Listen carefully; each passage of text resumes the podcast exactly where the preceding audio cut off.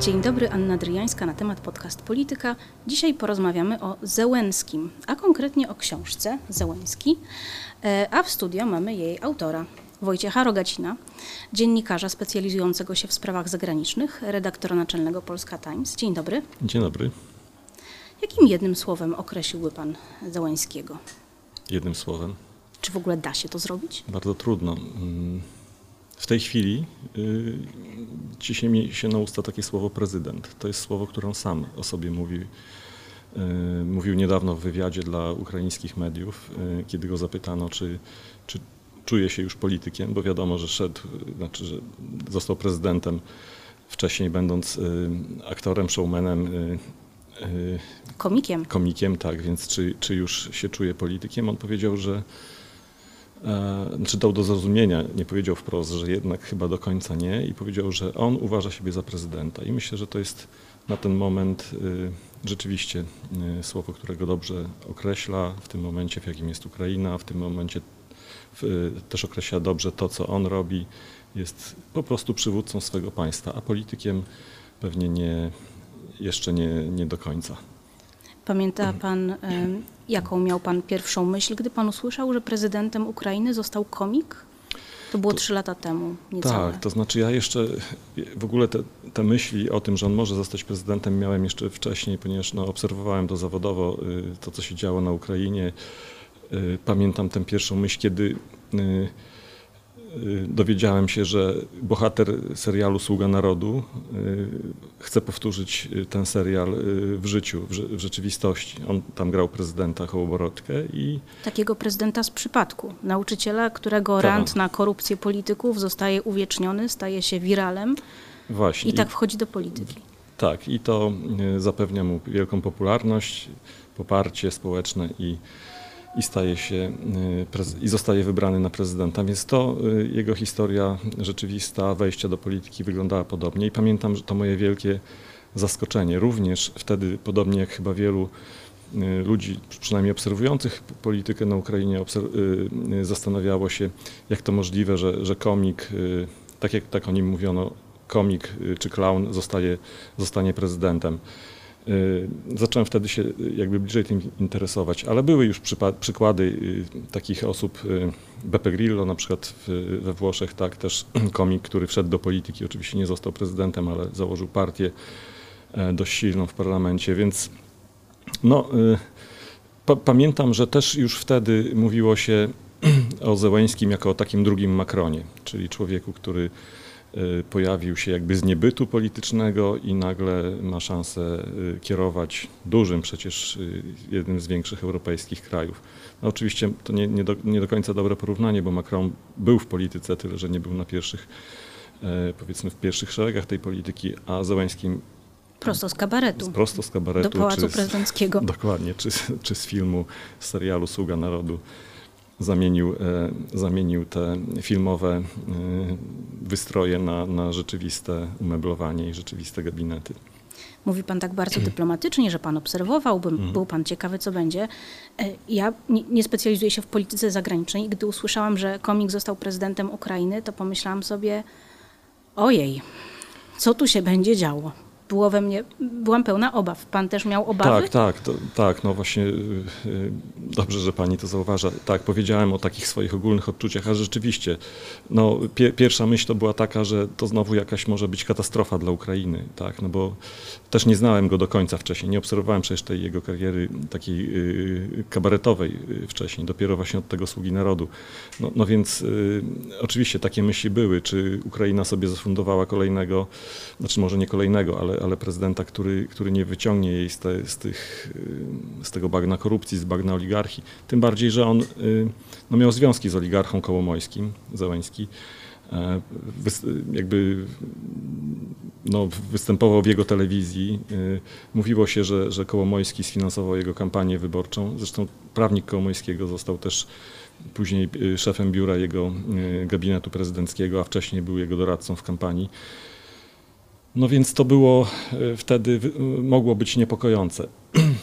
Ale oczywiście e, Ukraińcy oczekiwali, oczekiwali właśnie na takiego zbawcę, jakiego widzieli w tym serialu Sługa Narodu. On tam bardzo trudno było roz, rozróżnić w kampanii jego e, jakby jego mm, rzeczywiste działania jako polityka, kandydata na prezydenta od tego filmowego prezydenta Hołborotki.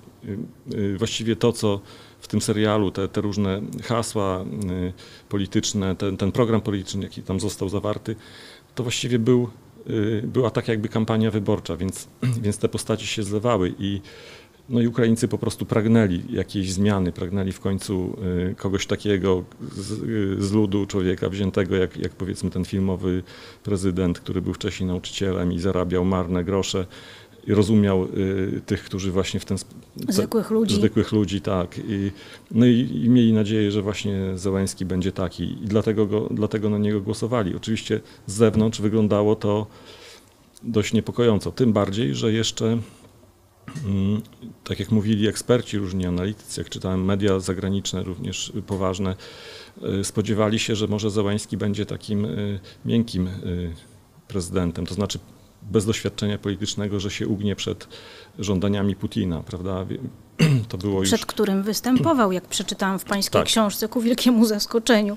Występował, ponieważ był zapraszany na, na różne spotkania głów państw, y, kiedy na przykład y, prezydenci Ukrainy y, organizowali jakieś, jakieś takie spotkania międzypaństwowe, to w tej części nieformalnej no, zapraszali właśnie też kabaret kwartał 95, żeby występował przed, przed politykami. I, I występował przed Putinem, chociaż mówi, że chyba Putin, Putina to specjalnie nie, nie zainteresowało. Bardziej zapamiętał y, kiedyś występ przed Miedwiediewem, y, y, który po, po tym występie podszedł i powiedział, że podobało mu się, chociaż było ostro i że w Rosji to takie ostre żarty polityczne nie, nie uchodzą, no ale generalnie y, jakby uścisnął rękę i, i, i też się widzieli jakby przed, w tych czasach jeszcze kabaretowych Zeleńskiego.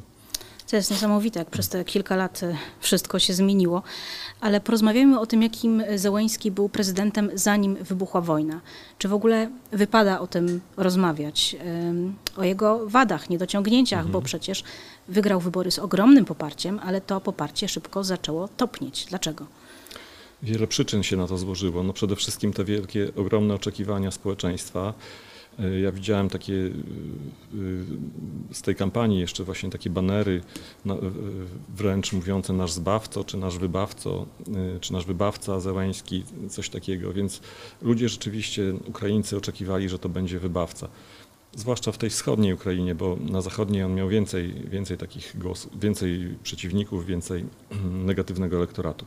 Natomiast no, y, oczekiwali, że będzie takim właśnie prezydentem jak ten ze sługi narodu, że rozwiąże jakby za dotknięciem czarodziejskiej różdżki te wszystkie problemy, a te problemy to wszechogarniająca korupcja, y, bardzo niskie y, zarobki. No przecież nie bez przyczyny Ukraińcy wyjeżdżali, tak dużo ich było jeszcze przed wojną w Polsce i w innych krajach europejskich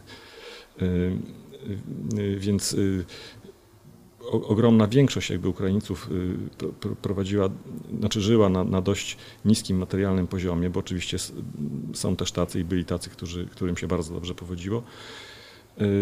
No te, to uwikłanie w oligarchię i to, że, że Ukraińcy widzieli ten Zachód i oni chcieli dążyć do, jakby do Zachodu. Poroszenko, poprzedni prezydent, był Y, też obiecywał im jakby pójście w kierunku zachodnim, natomiast y, mm, no już y, też nie widzieli jakby efektów jego, jego działania i byli też tamtym rozczarowani. Więc tu liczyli na to, że, że przyjdzie Zełęński, tak jak wcześniej mówiliśmy, człowiek z ludu, który zna ich problemy i szybko to wszystko opanuje. No i tak się nie stało. Mm, Zełęński co prawda od początku zaczął się odcinać od oligarchów, od tego Kołomojskiego. Kołomojski w pierwszych wywiadach po wyborze Załęskiego y, tak dość, y, można powiedzieć, że się szarogęsił, to znaczy... Da, go ustawiał, tak. Tak, da, dawał do zrozumienia, że on teraz będzie miał mm. wpływ na politykę prezydenta. No, był ten um, Andrzej Bogdan, który, który był wcześniej współpracownikiem Kołomojskiego. Natomiast y, mm, no, Zełęński się dystansował i, i absolutnie nie, nie utrzymywał tych relacji i, i robił swoje. Ale mm, był niedoświadczonym politykiem. Wziął ze sobą do, mm, jakby do, do, do swojego biura, do kancelarii prezydenckiej y, wiele osób, które z nim wcześniej pracowały w, kabarecie Kwartał 95. Oczywiście to były osoby jego zaufane, on im ufał, on wiedział, znał ich y, talenty, możliwości, zwłaszcza te talenty takie komunikowania się czy tworzenia przekazu do, do społeczeństwa. Natomiast oni też nie byli doświadczeni w polityce i i on się zderzył, zderzył z tą polityką, zderzył z, z tym systemem oligarchicznym, zderzył z tą korupcją, którą nie bardzo y, y, miał narzędzia, żeby, żeby jakby z tym walczyć. On dopiero, kiedy został y, prezydentem, to tak stworzył y, partię swoją, która też się nazywała Sługa Narodu, podobnie jak serial. I tę, tę partię tworzył na zasadzie castingów. W mediach społecznościowych ogłoszono na Facebooku i, i innych kanałach, że oto zapraszamy do partii Sługa Narodu, wszyscy, którzy chcą coś tam zmienić. No i Czyli taki polityczny mam talent. tak, polityczny mam talent, to coś w stylu pospolitego ruszenia, czyli tam się znaleźli ludzie no, różnej prowiniencji, różnego, różnych poglądów, nawet y, różnego y, też wykształcenia i, i różnych oczekiwań. I karierowicze, i tacy, którzy coś chcieli zrobić, ale nie umieli, nie potrafili, więc to była taka trochę powiedzmy zbieranina. I z taką grupą trudno było też wprowadzić jakiekolwiek y, sensowne reformy, bo oni w parlamencie zaraz zaczęli być podkupywani przez, przez innych oligarchów. Y, y, więc nawet przeforsowywanie ustaw to, mm, to była sprawa, sprawa dość trudna. Dlatego Zełęskiemu się nie, nie udawały te, te, te reformy, które obiecywał. No i też nie udała mu się taka jedna z głównych obietnic, o której mówił, czyli doprowadzenie do rozstrzygnięcia tej sprawy Donbasu, sprawy Krymu, zakończenia tej, tego konfliktu na wschodzie Ukrainy. Ten konflikt się tlił od 2014 roku, po tym jak Rosja bezprawnie zajęła Krym i część Republiki Donieckiej i Ługańskiej. I tam, I tam ginęli ludzie cały czas. Tam na pograniczu było niespokojnie. Tam y, tych, przez te kilka lat do, do, wybuchu obecnej wojny zginęło kilkanaście tysięcy osób, więc to nie, było, nie był sobie taki konflikt od, że coś tam postrzelają sobie mm. raz na pięć dni, prawda, I, i, i dalej siedzą w okopach. Tylko to rzeczywiście było była taka jątrząca rana. Ludzie chci, chcieli już, te, już zakończenia tego. Załański to obiecał w kampanii, chociaż w swej naiwności oczywiście, bo wiemy, że, że Putin nie miał zamiaru. To było takie urocze, jak pan przytacza jego słowa, pytano go, jak zamierza zakończyć konflikt. No trzeba rozmawiać, tak. usiąść, tak. negocjacje pokojowe zrobić. No właśnie, tak. Powiedział, że my przyjdziemy z jakimiś swoimi propozycjami, Putin przyjdzie ze swoimi i gdzieś tam po środku drogi się spotkamy. To oczywiście była ta właśnie naiwność, ten brak y, politycznej, politycznego doświadczenia, jego, jak i jego otoczenia, prawda? Y, bo, mm, bo przecież pewnie każdy doświadczony polityk wiedział, że, że się nie da z tego, tego z Putinem zrobić. No i on, y, ale on próbował, tak? Jedyne co osiągnął to wymiana jeńców w, tym konflikcie. Między innymi reżyser Ołech Sensow został uwolniony. To, to był akurat bardzo taki wielki gest symboliczny. Y, y, Sensow był skazany na chyba kilkanaście lat kolonii karnej tam w Rosji, więc za, za jakby udział w, w tej y, w Euromajdanie, więc i później w, tam, w tych walkach, więc więc to tyle, co mu się udało dokonać, ale konfliktu to nie zakończyło. Tak? Nadal też y, oligarchia miała się świetnie na Ukrainie. Nadal nie ukrócono tej korupcji. Tam. Ale zaraz, przecież on przedstawił ustawę antyoligarchiczną. Ustawę antyoligarchiczną przedstawił już y, po dwóch czy po półtora roku swoich rządów i to był, to był taki jakby jego sposób na ratowanie spadających sondaży. Wygrał wybory mając 73% poparcia, te sondaże spadały 50 y, parę 30 około, tak było jesienią 2021 roku, a przed samą wojną było nawet poniżej 30, 25, 28. I on wtedy, to, to, że jeszcze, że sondaże spadają, może nie jest takim wielkim zawsze problemem, ale to był trend. I on widział, że jest trend y, cały czas pikujący, więc, y, więc y, tak jak mówią, y, mówili mi też w książce y, komentatorzy polityczni, do tej książki, więc, więc twierdzili, że właśnie to, był taki, to była taka próba odwrócenia tego trendu, działanie trochę pod publiczkę, bo ta ustawa miała, y, fajnie brzmi, ale miała też swoje braki. Tam na przykład y, ustalano, kto, y, kto, kto zostaje uznany za oligarchę. To było dość uznaniowe, to, był, to, to była kancelaria prezydenta, która mogła tam decydować. Oczywiście była, był tam jakiś próg, y, mm, y, próg naj, najniższej pensji, to chyba dwukro, dwu, przepraszam, średniej pensji, dwutysięcznokrotność średniej pensji. To był jeden z warunek, żeby być oligarchą, drugi to, że, że się miało wpływy w mediach i w polityce, więc ta ustawa jakby zabraniała y, jakby posi- posiadania takim osobom bogatym wpływów czy udziału w mediach i w polityce. No ale tego się nie udało wprowadzić, nie? bo zaraz wybuchła wojna y, i, y, no i ludzie, ludzie żyli jakby, jakby innymi, innymi problemami przed, przed tą wojną. No właśnie, wybuchła wojna, zmieniło się wszystko. E, Zełeński z prezydenta, który tracił poparcie systematycznie, e, no nagle stał się mężem stanu, można tak powiedzieć? Ja pytałem Aleksandra Kwaśniewskiego do tej książki, czy on uważa, że Załęski stał się mężem stanu, bo też sobie stawiałem to pytanie. E, I jestem, e, i, i myślę, że Kwaśniewski dał tu dobrą odpowiedź, że mm, Załęski będzie można powiedzieć, że stał się mężem stanu e, wtedy, jeśli on w sposób umiejętny i satysfakcjonujący dla Ukrainy doprowadzi do zakończenia tej wojny. To pokaże jakby swoją y, klasę polityczną. Natomiast w tej chwili na pewno Załęski jest wielkim przywódcą, jest symbolicz, wielkim symbolem, jest wielką postacią, można powiedzieć, historyczną. On już przeszedł do historii przez to, w jaki sposób przewodzi Ukrainie, bo głównie, znaczy głównie, na pewno ol- olbrzymi wpływ na to, że, że Ukraińcy tak y, stawiają taki opór, tak się bronią, a wręcz y, no, wy, wyrzucają już tych Rosjan powoli ze swoich terenów, to je, jest to, że Zełęński y, został na tej Ukrainie, nie, nie wyjechał, kiedy mu proponowano, że on w ten sposób wzmocnił to morale y, społeczeństwa, tak, że zobaczcie, ja jestem z wami, walczymy razem, filmu, codziennie y, nagrywa te filmiki, codziennie się pokazuje w mediach społecznościowych, nie wiem, jak chodzi po Kijowie albo, albo w, w swoim y, gabinecie w kancelarii prezydenta. I zachęca do obrony, podkreśla tę, tę obronę, podkreśla bohaterstwo Ukraińców. I oni się poczuli, że przywódca jest z nimi. Gdyby go nie było, czego zresztą Rosja chciała w ogóle od początku, tak, Putin chciał go wyeliminować w taki lub inny sposób, albo porwać, mówił, albo zabić, albo właśnie, gdy, żeby uciekł najlepiej. Y, Ukraińcy by zostali jakby pozbawieni przywódca, tak, takiego symbolicznego przywództwa. Więc, więc to było kluczowe dlatego, żeby on się stał tam y, bohaterem. I myślę, że to tak, y, no Ukraińcy są też bardzo emocjonalni, tak jak mi mówili tu ludzie, z którymi rozmawiałem, y, przeprowadzając wywiady do książki, więc, więc na pewno ich to ujęło, też w, w sensie takim emocjonalnym. Oto Zełęński zostaje. Jedna z jego współpracownic mówi, że że, że mamy swojego atamana, że, że ludzie są gotowi ginąć za swojego prezydenta, właśnie żołnierze, właśnie po tym, kiedy, kiedy on został. Więc to takie uczucia tam zaczęły i nastroje panować.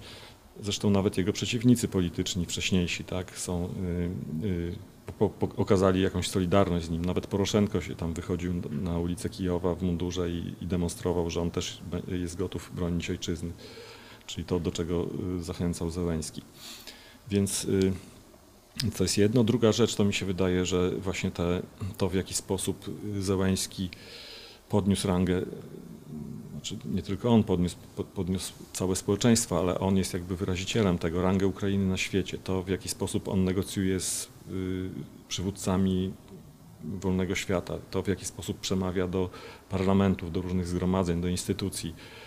Mm, On przemawia nie jak jakiś petent, że słuchajcie, tam nie wiem, jesteśmy biedni, pomóżcie nam, tylko my jesteśmy bohaterem, my walczymy za was, macie obowiązek nam, nam pomóc, bo inaczej sami będziecie nie- niebawem toczyć tę wojnę. Tak? Y, On potrafi wytknąć y, niektórym krajom y, czy rządom wcześniej właśnie w Bundestagu no, wytykał Niemcom ten, ten, tę ich wstrzemięźliwość, jeśli chodzi o pomoc, jeśli chodzi o sankcje, jeśli chodzi o przekazywanie uzbrojenia. Więc, więc on, tak jak to Amerykanom potrafił powiedzieć, że potrzebuje broni, a nie podwózki, gdy chcieli go ewakuować. Tak, potrzebuje broni, a nie podwózki.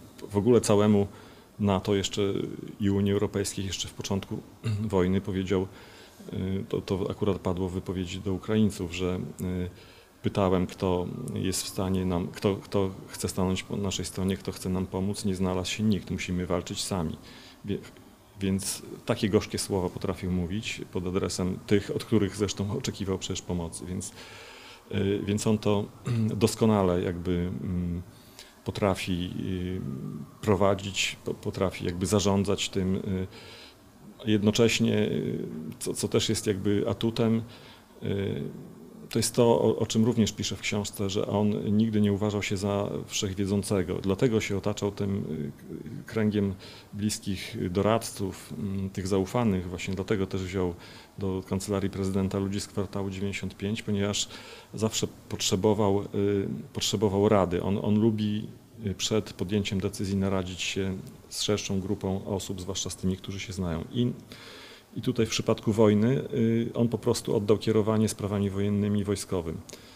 Co, jak mówią y, niektórzy y, znawcy, tacy bliscy, bliscy obserwatorzy ukraińskiej polityki, na przykład gdyby był Poroszenko, to spodziewają się, że raczej on by próbował sam e, trochę kierować tymi działami, działaniami wojennymi.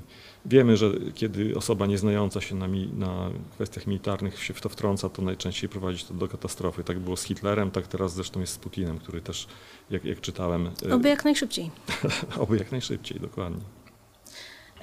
Zastanawiałam się, bo już mijają trzy, e, trzy miesiące mm, tej wojny.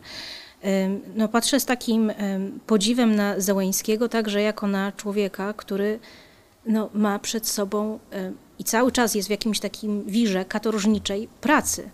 Jak można dawać radę fizycznie, będąc pod takim naciskiem, w takich trudnych warunkach? Czy on w ogóle śpi? Y, tysiące rzeczy, które musi robić, dzień po dniu przemówienia w różnych miejscach. Y, jak pan myśli, jakie cechy jego charakteru sprawiły, że on jest w stanie coś takiego wytrzymać?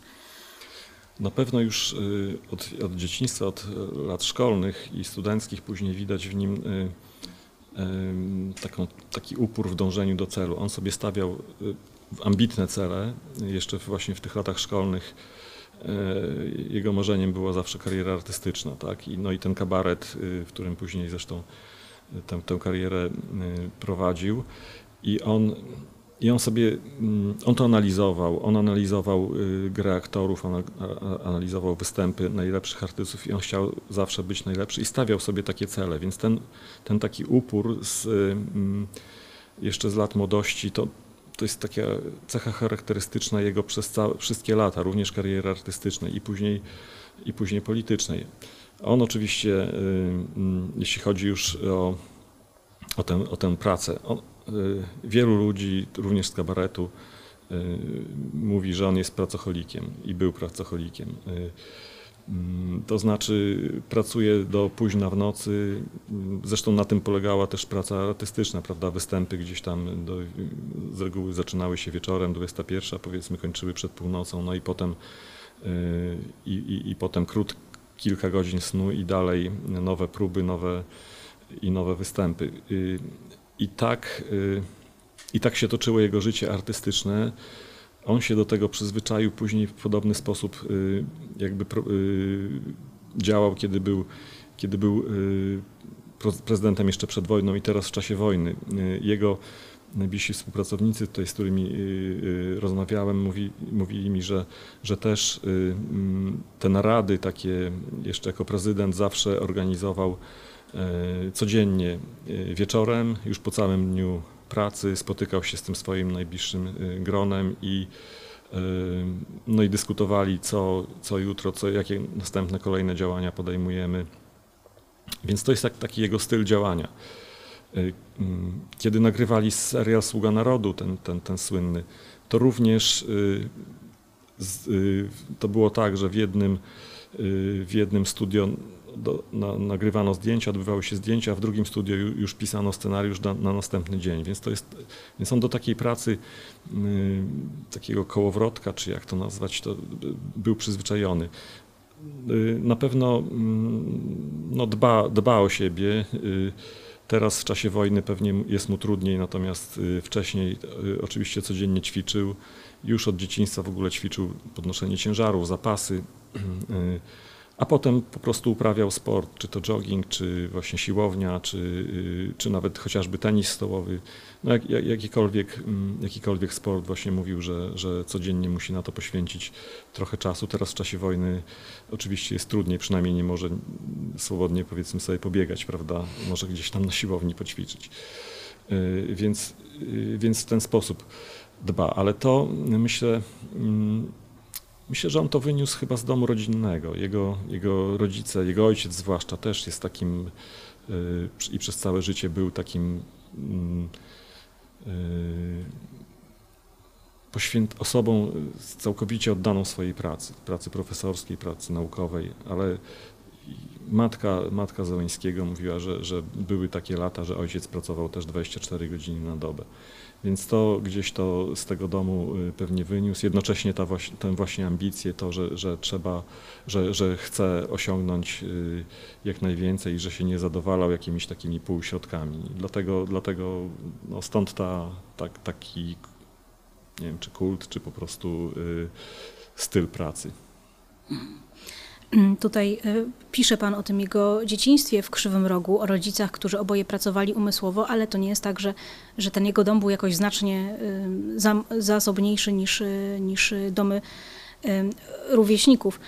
Pan myśli, że to, ten krzywy róg to jest jakiś tutaj znaczący element jego, definicyjny element jego postaci?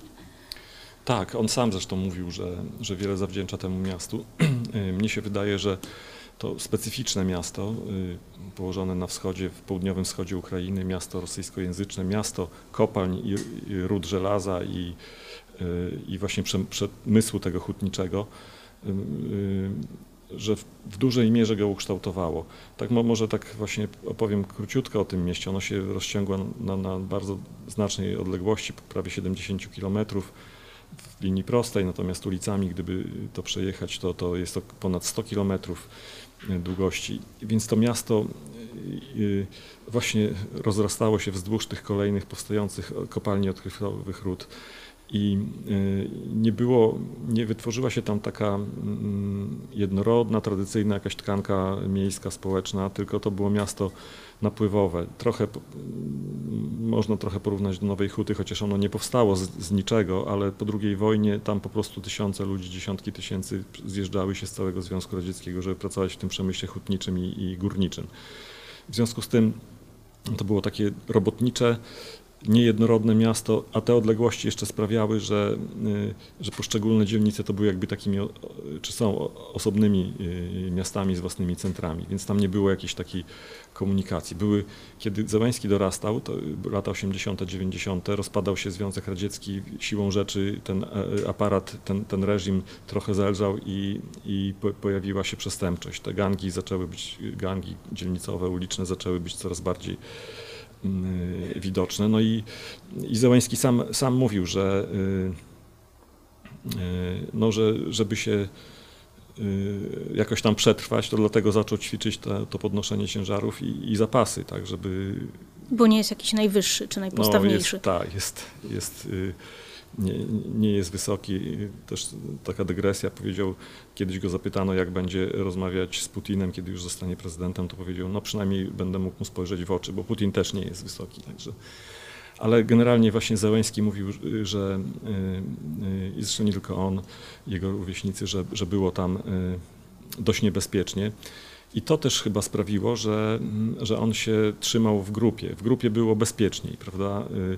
On y, już od, od, tych lat dziecięcych, dziecinnych czy młodzieńczych y, miał ten cały, no, no, właśnie taką paczkę wokół siebie. Tam nie tylko on, właśnie inni, inne grupy rówieśników też y, żyły w takich paczkach. Oni się tam zbierali w charakterystycznych miejscach, gdzieś przy jakiejś fontannie w Krzywym Rogu, w parku, umawiali się o, o którychś godzinach i tak chodzili razem razem spędzali czas. To też, to też służyło właśnie później, yy, znaczy było jakby pomocne w powstaniu tego zespołu jego kabaretowego, bo właśnie z takiej grupy wytworzył się yy, rówieśników szkolnych, wytworzył się ten, ten, ten kor tego zespołu kabaretowego Kwartał 95. to byli znajomi ze szkoły czy też z uczelni. Więc, więc w tym sensie Krzywy Róg miał, y, wydaje mi się, y, taki y, bardzo mocny wpływ na, na całą jego postawę i później również w polityce, bo tak jak powiedziałem, on, on, on te decyzje lubi podejmować w grupie, on, on lubi właśnie naradzać się. Też go to pewnie nauczyło pewnej twardości, bo przecież ten jego kabaret y, z czasem to było wielkie, stało się wielkim przedsiębiorstwem. To które... mnie właśnie zaskoczyło. Tak. Jak gdy usłyszałam, że on został prezydentem, ja myślałam, że to jest jakiś komik, który występuje w jakimś sketchu czy w jakimś mhm. programie, a to jest, to był jakiś e, e, samorodek, magnat medialny, sam się zrobił nim, e, mhm. swoim sukcesem. Doszedł od zera do niczego. Dokładnie. No to też właśnie, to, to nie jest taki kabaret w, w naszym powiedzmy tu polskim y, pojęciu, y, ten kwartał 95, to w ogóle w tamtej specyfice Ukrainy i w ogóle tego, tych krajów byłego Związku Radzieckiego y, te kabarety, jest w ogóle cała liga kabaretowa, w której one rywalizują ze sobą. W ten sposób Zełański właśnie zdobył tę sławę, że, uczestniczy, że jego kabaret uczestniczył w tej lidze, która rozgrywana jest w różnych regionach i, i w różnych krajach tych post, postsowieckich y, y, i finał y, tego kabaretu rozgrywany był zawsze w Moskwie, ten kto wygrywał. Trochę jak liga piłkarska. Tak, a, a oglądalność tego, tak, zresztą nawet nazwa te, tej ligi nazywana jest Liga Mistrzów. A właśnie, a, a, a finał odbywa się w Moskwie i oglądalność tego finału w telewizji wynosi do 5 milionów widzów. To jest mniej więcej tyle, co, co mam talent. Więc y, to jest niezwykle popularny program tam. I sam taki kabaret składa się z kilkudziesięciu artystów, nie licząc tych wszystkich ludzi obsługi, więc to już jest naprawdę duża, duża grupa, grupa artystyczna. I Zełęński na bazie tego kabaretu, na bazie tego sukcesu, który odniósł jeszcze y, w czasie studiów, zbudował własny, własny zespół.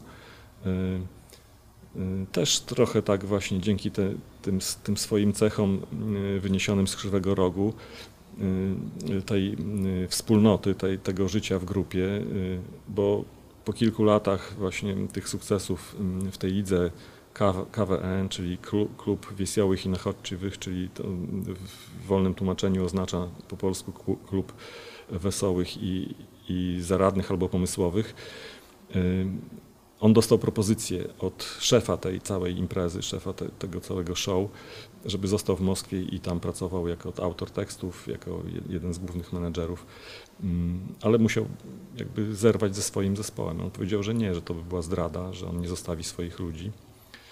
Zostawił tę, tę lukratywną propozycję, y, a sami jakby wylądowali z niczym, tak, bo bo wówczas y, ta Liga KWN zabroniła im występowania. Tak? Więc, więc oni przez rok, no nie cały rok, ale mniej więcej przez rok y, y, starali się znaleźć jakiś nowy pomysł na, na, własne, na własne życie. No i, i to im się udało właśnie, to im się udało i zaczęli występować na Ukrainie, stworzyli program Wieczerni Kwartał, który stał się po prostu mega hitem w ukraińskiej telewizji. Mm, po kilku latach Zełański został szefem y, programowym kanału, jednego z kanałów telewizyjnych i, i zaczęli po prostu produkować nie tylko ten kabaret, ale kilkanaście bodajże programów rozrywkowych telewizyjnych. To już było wielkie przedsiębiorstwo. Oni też y, mieli, mieli oddział w Moskwie. Po kilku znowu latach zaczęli produkować filmy, seriale, i podczas właśnie kręcenia tych niektórych programów czy seriali zatrudniali nawet po, po ponad 2000 osób, więc to już było, a w, samym, w samej firmie pracowało kilkaset, 300, ponad 300 osób, więc to już było duże przedsiębiorstwo. Y, jego obroty wynosiły kilkadziesiąt y, milionów, jak Forbes pisał, y, ukraińskich, kilkadziesiąt milionów dolarów rocznie same przychody Zełńskiego to kilka milionów dolarów rocznie, więc, więc to naprawdę był człowiek sukcesu, to było wielkie przedsiębiorstwo show biznesu na Ukrainie i to nie był taki, no i on tam się właśnie nauczył tego zarządzania, tej twardości, bo zarządzanie takim zespołem, takim biznesem wymaga już pewnej, y, pewnych kompetencji, takich podejmowania czasami trudnych decyzji. A gdy zaczynali, jak pan pisze, nie stać ich było na fajki, albo mówiąc formalnie, Tak. papierosy. Tak, tak. Czyli To, wypalali jedną paczkę na spółkę. to były te lata właśnie po początków y, tego kabaretu studenckiego, kiedy, kiedy ta sława dopiero się rodziła. Mhm. Chciałam zapytać o żydowskie pocho- pochodzenie y, Zełańskiego. Jakie to miało znaczenie dla jego kariery, zarówno komika, jak i e, politycznej? W Polsce trudno sobie wyobrazić prezydenta na przykład, który musiałby mieć korepetycję z języka polskiego. A Zełański nie mówił tak dobrze po ukraińsku, gdy, kandydował, gdy zaczynał kandydować na prezydenta. E, Czy on słyszał w swoim kraju, że jest nieprawdziwym Ukraińcem na przykład?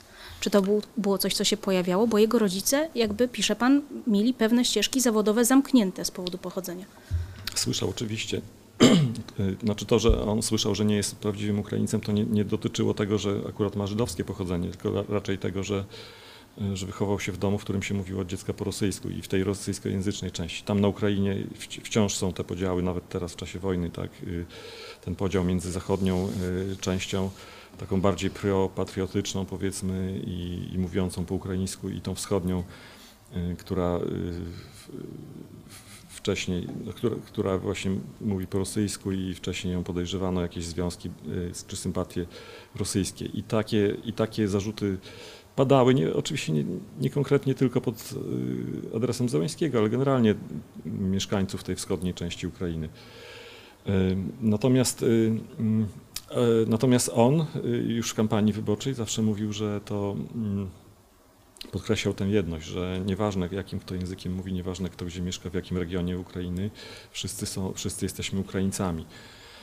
Teraz może dopiero właśnie się to staje faktem w czasie wojny, natomiast on to podkreślał. Ale on oczywiście sobie zdawał sprawę, że żeby wygrać wybory i żeby zdobyć to poparcie w całej Ukrainie, musi, musi nauczyć się dobrze tego ukraińskiego. On oczywiście uczył się w szkole, bo no wiadomo, y, jest to język obowiązkowy, y, ale też nie miał najlepszych ocen akurat z ukraińskiego. Y, Nie, nie posługiwał się nim dość dobrze, zanim y, zaczął kandydować, zanim wystartował na, na prezydenta. Y, I brał lekcje jeszcze w czasie kampanii. Żona Owena, która lepiej zna ten język, chociaż też pochodzi z rosyjskojęzycznej rodziny, go uczyła, ale też on, on uczył się później już będąc prezydentem, bo pierwsze jego wystąpienia jako prezydenta po ukraińsku widać, że są takie trochę, widać, że, że to nie jest taki język naturalny, wypływający z niego jakby pierwszy język. Teraz to, co widzimy, y, tak jak mówią, jak ja słuchałem y, opinii właśnie Ukraińców, to twierdzą, że, że teraz widać, jak, tak jakby to był po prostu jego język, czy, czy słychać, tak, że, że mówi swobodnie, zupełnie swobodnie się po- posługuje. Ale to się też już uczył trochę w czasie prezydentury. Natomiast jego żydowskie pochodzenie miało o tyle wpływ, że mm, No miał wpływ na to, że argument Putina o denazyfikacji No Ukrainy tak. jest wyjątkowo perfidny. No tak, tak, to, to oczywiście, to sam Zełański zresztą mówił. Y, y, Poza tym jego dziadkowie ze strony ojca walczyli na froncie w, w Armii Czerwonej, zginęli w czasie wojny, znaczy no, nie wszyscy, y, trzech zginęło, jeden, jeden przeżył, jeden przeszedł szlak bojowy, do- dosłużył się medali za odwagę, za bohaterstwo w tej wojnie. Y, mm, w ogóle mm, Krzywy Róg to jest miasto, w którym jeszcze za, za czasów carskich osiedlano właśnie Żydów na, y, w Imperium Rosyjskim. To było jedno z tych, z Mhm. tych miast, w którym osiedlano Żydów. Stąd się właśnie ta jego rodzina tam wzięła. Y, Zresztą to nie tylko jego rodzina, jego s- bliscy współpracownicy też y, mają pochodzenie żydowskie.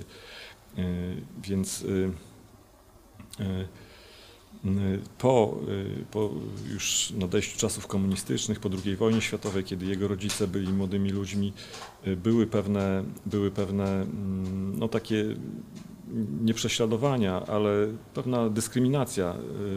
Pewne takie Trudność. szklane sufity, tak, tak? szklany sufit. y, Za Stalina uznawano, znaczy Stalin uznawał y, społeczność żydowską za element kosmopolityczny, czy jak to tam nazwać, w każdym razie taki niepewny, który może w- wnieść jakieś y, y, rozsadzające od środka elementy.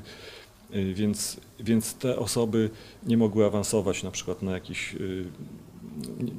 Rzadko się zda, zdarzało, żeby awansowały, nie wiem, na szefów, na, na, na, na y, no, przywódców miast, czy jak to nazwać, czy, od, czy, czy mogły jakieś wyższe, wyższe stopnie kariery osiągać. Więc oni się mm, poświęcali często właśnie karierze naukowej. Jego rodzice zresztą, no ojciec jest profesorem, matka inżynierem i jego rodzice widzieli też taką przyszłość dla swojego syna. Bardzo chcieli, żeby on został prawnikiem, właśnie wykształcił się, żeby był uznanym prawnikiem. Ukończył studia. Ukończył studia, chociaż e, od początku no, poszedł tak trochę na, na, na te studia prawnicze za namową rodziców, zwłaszcza ojca, a nie czuł tego do końca. W czasie studiów przekonał się, że to nie jest dla niego że to nie są y, studia dla niego, no jednak ta kariera artystyczna go bardziej pociągała. Y, ale to, że ukończył akurat te studia i to bez większych problemów, y, no to świadczy o jego intelekcie, tak? bo tutaj mówimy dużo o nim, ale nie, nie, nie powiedzieliśmy się, mi się wydaje, kluczowej rzeczy, że on nie był taką, czy nie jest pospolitą osobą, że on jest jednostką wyjątkową i to już było widać w szkole. Y, owszem, nie stara się być lepszym, nie pokazywać, że jest lepszym, czy że ma wysokie stanowisko, stara się być y, y, no, takim równym swo, swoim chłopem, że tak powiem, w kontaktach z innymi. Natomiast no, no oczywiście jest wybitną, wybitną osobowością i wybitnym też intelektem i to już od czasów szkolnych, więc, więc te studia, ukończenie tych studiów też o tym świadczą.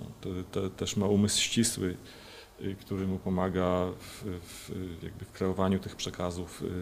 Do, y, on, on wie, do, zwłaszcza jeszcze w kabarecie, to jest niezwykle istotne, żeby w taki sposób te scenariusz tych żartów, tych skeczy wymyślić, żeby to było e, no,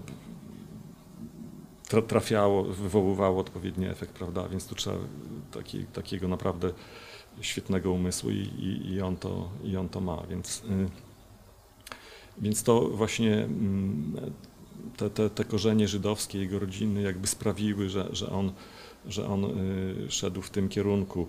Chyba tak widział trochę, że musi polegać na sobie i swoim talencie, prawda, a nie, że coś zostanie mu dane. No, dokładnie, tak. Bo wiedział, że nie zostanie. No, no widział, że nie zostanie, tym bardziej, że od rodziców też nie mógł niczego otrzymać, bo oni żyli bardzo skromnie, tak jak y, jego, jak rodzice jego kolegów. To nie było, nie było tam żadnych luksusów y, w ich domu.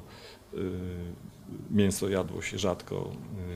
Ojciec musiał, tak jak mówiłem wcześniej, pracować często 24 na dobę, żeby, żeby zarobić na, na nieco lepszy byt właśnie Zresztą ojciec też pracował y, przez 20 lat poza Ukrainą, y, w Mongolii. Y, projektował fabryki, projektował kopalnie na, na tamtejszych uniwersytetach też.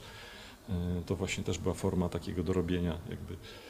Więc tak, więc Zełański widział, że, że nic nie dostanie za darmo, że trzeba dojść do wszystkiego samemu. Jaki ma Pan stosunek do Zełańskiego? Bo ja nawet pisząc dłuższe artykuły zaczynam mieć jak, jakąś osobistą, chociaż jednostronną mhm. oczywiście, relację z, z, z, z obiektem. A pan napisał całą książkę, więc y, co pan czuje do niego, myśli o nim? Może nie powinno być tak, że ktoś, kto, kto pisze książkę, biografię, yy, yy, powinien mieć jakąś sympatię, ale Ale ja rzeczywiście ma, ma, mam takie poczucie sympatii do, do tego bohatera. starałem się w tej książce zawrzeć opinie różne, również krytyczne wobec niego i fakty, które powiedzmy nie są y, takie korzystne, to co mu zarzucano i co mu się zarzuca nadal, mm, y, czy w czasie tej kariery artystycznej czy politycznej. Natomiast y, no, jest, mm, jest na pewno mi bliską postacią, bo wiadomo, że jeśli się tak głęboko w czyjeś życie wchodzi, to ta, ta postać jest bliska, ale wydaje mi się, że to jest też po prostu taki dobry człowiek. Popełnia błędy, jak, jak każdy popełniał y, jako polityk. Y, miał różne może zachowania takie, których nie, można nie pochwalić, ale kto, kto czegoś takiego nie, nie robi. Natomiast generalnie cały jego kierunek życia i działalności jest taki, jest wydaje mi się słuszny. E, I e, nie wiem, może tak jak ujął Załański swoich mm, rodaków tym filmem Sługa Narodu, może i mnie ujął jakoś jego, jego życiorys też, y, że, że, że stał się mi taką bliską postacią i sympatyczną. To na koniec zapytam pana, jak się pisze taką książkę? Czy dobrze rozumiem, że pan ją zaczął pisać razem z wojną? Tak. Czyli to był 24 lutego, do druku pan ją oddał w kwietniu. Jak się pisze książkę w kilka tygodni? No tak. y, y, Znaczy już właściwie tam kilka dni przed wojną było widać, że to się rodzi y, jakaś zupełnie nowa, wyjątkowa postać. Y, Kiedy on przemawiał w y, tej konferencji pokojowej w Monachium do przywódców, do, do powiedzmy możnych tego świata y, i mówił do nich jako taki naprawdę mentor, jakiś przywódca ich, który rzeczywiście pokazywał im, gdzie jest, jakie są pryncypia, co, co jest najważniejsze w dzisiejszym świecie. I wtedy już było widać tę, tę jego y, rodzącą się jakoś taką symboliczną postać, a później w czasie wojny to już, to, to, to już od, od pierwszych chwil, od tego, kiedy on nie skorzystał y, właśnie z tej propozycji Amerykanów, nie wziął tej podwózki i powiedział, że potrzebuje broni raczej, to było widać, że to już się rodzi legenda. I wtedy właśnie y, i wtedy już zacząłem tak na dobre jakby pisać tę, tę biografię. No to była y, oczywiście, y, były rozmowy, wiele rozmów z, mm, z jego współpracownikami, z y, ludźmi, którzy go znają albo też nie znają, ale mogą coś powiedzieć, jakby ocenić, tak jak Aleksander Kwaśniewski. Chociaż Kwaśniewski go zna, dobrze go poznał. Spotykali się kilka Tak. razy. Spotykali się tak jeszcze zanim został prezydentem i później, kiedy już był prezydentem. Kwaśniewski wystąpił u niego w kabarecie, tam nawet Został wywołany na scenę, został wywołany na żeby scenę. doprecyzować. Dokładnie. I tak, i niejako przepowiedział mu tę y, prezydenturę, bo, bo powiedział, skoro ja wystąpiłem, ja, pre, były prezydent, wystąpiłem u ciebie w kabarecie, to może ty zostaniesz kiedyś prezydentem. No i tak się później stało. Y, y, Bo pan jest redaktorem naczelnym, Tak. dziennikarzem, tak. a oprócz tego pisał pan książkę, więc moje pytanie jest czysto techniczne. Jak się pisze książkę w kilka tygodni? No Czy można spać w tym czasie? Tak. No, trze- trzeba trochę spać, natomiast tak, oczywiście y, y, prze- prze- wszystkie wolne chwile były poświęcone książce. Oczywiście y, też oczywiście brałem urlopy, tak, bo nie byłbym w stanie y, zupełnie tak bez tego, bez tego napisać. Ale no cóż, ja jestem też, nie, nie chcę, żeby to jakoś brzmiało nieskromnie, ale oczywiście mam 30-letnie doświadczenie dziennikarskie, redaktorskie, więc być może z tego powodu też mi było łatwiej i wiedziałem na czym się skupić, y, jakie, ja- gdzie szukać materiałów, jak szukać tych materiałów, o czym rozmawiać, z kim rozmawiać. I też oczywiście miałem już pewną wiedzę wcześniej, tak, o, o Ukrainie, o Załęskim, to to, to, więc to też oczywiście było bardzo, y, bardzo pomocne. Natomiast sama praca rzeczywiście była mega wyzwaniem, y, mm, ale wydaje mi się, że tak jak chciałem y, pokazać nie, nie tylko polityka, powiedzmy, czy przywódcę, czy prezydenta, ale chciałem pokazać, w jaki sposób Załęski stał się tym, kim się stał, jakim on jest człowiekiem, jakim był człowiekiem od samego początku, od dzieciństwa, przez te lata szkolne, młodzieńcze, kabaretowe i, i, i później już y, wielkiej kariery i też kariery politycznej. Wydaje mi się, że mm, no to było moim głównym celem, jakby poka- pokazanie w tej książce i wydaje mi się, że mam nadzieję, że jeśli ktoś przeczyta tę książkę, to bardziej zrozumie i pozna, pozna tę postać. Pańscy rozmówcy, y, część z nich, większość z nich to, to Ukraińcy. I zastanawiam się, jak oni reagowali wtedy, kiedy pan dzwonił i mówił, że jest pan dziennikarzem z Polski i pisze pan książkę o Załęskim, o ich prezydencie, a w tym czasie w ich miastach albo w miastach obok spadały bomby. Czy oni się odnosili do tego ze zrozumieniem, czy musiał pan ich przekonywać jakoś bardzo, żeby się wypowiedzieli? Yy, tak, no yy, mm, oczywiście rozumieli tak, że, że, że piszę biografię, więc chcę porozmawiać. Natomiast rzeczywiście pa- padały tam czasami takie, mm, no, takie zdania, że, yy, yy, no, że naszym teraz zmartwieniem jest ta wojna, prawda? Yy, że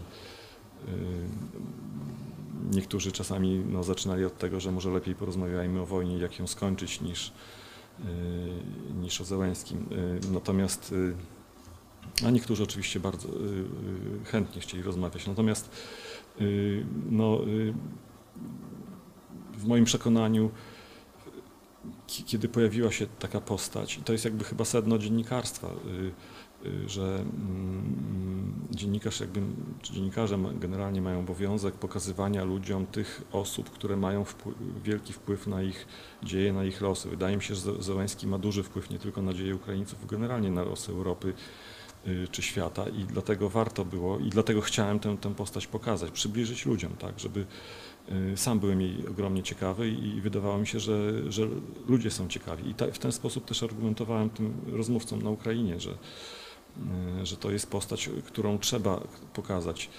Y, myślę, że przez, że dzięki temu również y, można lepiej zrozumieć i samą Ukrainę, i, i Ukraińców, i dlaczego ten kraj no, walczy tak, jak walczy, dlaczego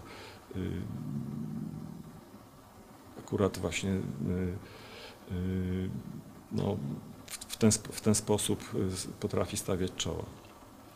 I to już naprawdę na koniec. Jaką przyszłość Pan widzi przed Zełęskim? Bo te, już teraz jest człowiekiem legendą, człowiekiem symbolem. Czy po czymś takim można zrobić coś lepszego, większego, bardziej imponującego? Można zrobić coś lepszego, znaczy można zrobić coś naprawdę wielkiego, chociaż nie tak spektakularnego, być może, y, a może tak. Na pewno można do, doprowadzić do zakończenia tej wojny z sukcesem dla Ukrainy. To by było naprawdę mega wielkie no, osiągnięcie. No, tylko tu Putin ma też trochę do powiedzenia. To Putin ma trochę Niestety. do powiedzenia, tak. No nie tylko Putin, bo przecież żyjemy w, w globalnym świecie i, i, wiele sił tutaj jakiś odgrywa, odgrywa rolę. To nie tylko zależy od Zełęńskiego, ale właśnie, gdyby, gdyby mu się udało y, doprowadzić do zakończenia tej wojny w taki sposób, który, w, w którym Ukraina odzyskuje te utracone tereny, w, którym y, Rosja ponosi Y, klęskę, w którym Ukraina po tej wojnie odradza się i ma mm, y, właśnie wsparcie świata w odbudowie kraju, to byłoby gigantyczne osiągnięcie, porównywalne pewnie z tym, w jaki sposób on prowadzi tę wojnę. I to nie będzie łatwe. Nie wiem, czy mu się to uda. Z historii wiemy, że, że byli y, przywódcy, którzy byli wielkimi liderami czasów wojny, a nie a po, a po wojnie tracili jakby poparcie. Przy, przykładowy Churchill, do którego też Zełenskiego porównywano.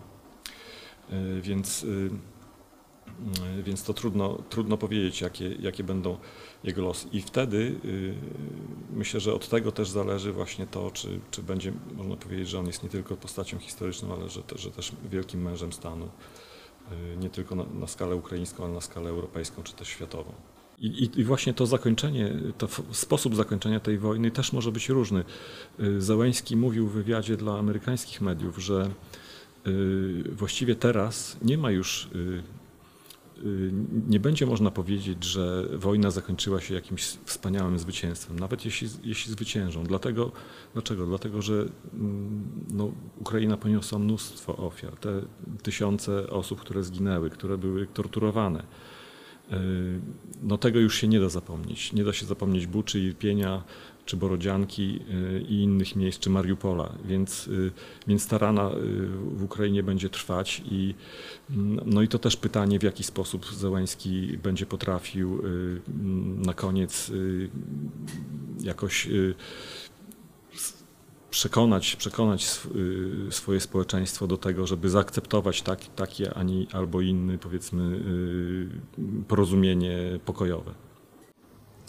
Dziękuję. Naszym gościem był Wojciech Rogacin, autor książki Zełęński, wydanej przez wydawnictwo Wielkie Litera, Wielka Litera, a z Państwem żegna się Anna Dryjańska na temat podcast Polityka. Do usłyszenia, do zobaczenia za tydzień.